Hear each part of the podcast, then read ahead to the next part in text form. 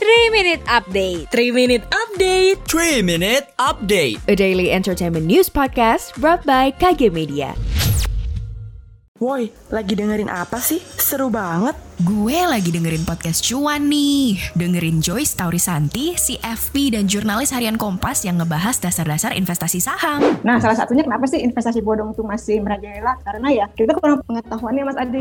Itu doang Dengerin dulu dong. Cuan ini bahas asuransi juga loh sama Dion Rafael, Insurance Advisor. Lu masih takut kan kalau ditawarin asuransi? Jadi kalau ketemu agen asuransi swasta jangan takut, ditanyain justru itu kesempatan. Selain itu, ada Jumiati Partawijaya, CFP dan jurnalis kontan.co.id yang ngebahas investasi saham, emas, dan properti. Jadi kalau pasar saham New York ya, lagi turun, ini pasar saham di Indonesia juga ikutan turun gitu.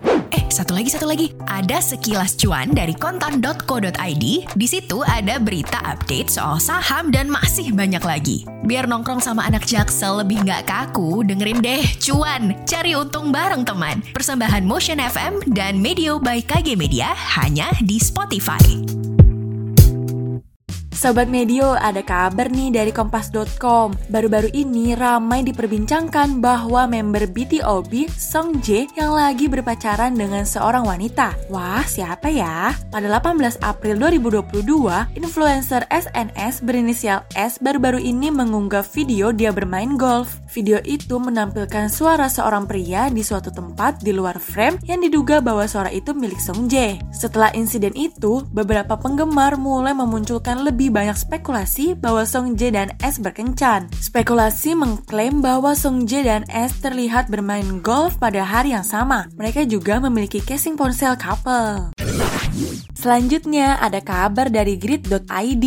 Putra sulung Raffi Ahmad dan Nagita Slavina lagi jadi sorotan lantaran memutar lagu Stress Out milik Jaden Tiko. Merasa lagunya viral sejak diputar Avatar, Jaden Tiko yang dikenal sebagai YouTuber di Belanda ini sampai berniat ke Indonesia. Ia juga menyampaikan terima kasih pada Raffi dan Nagita. Lewat Instagram Story Jaden Tiko, ia juga membagikan kegembiraannya disertai unggahan tangkap layar Spotify dan melemparkan pertanyaan tentang pertimbangan untuk datang ke Indonesia. Kira-kira siapa lagi ya anak artis yang bisa bikin lagu viral?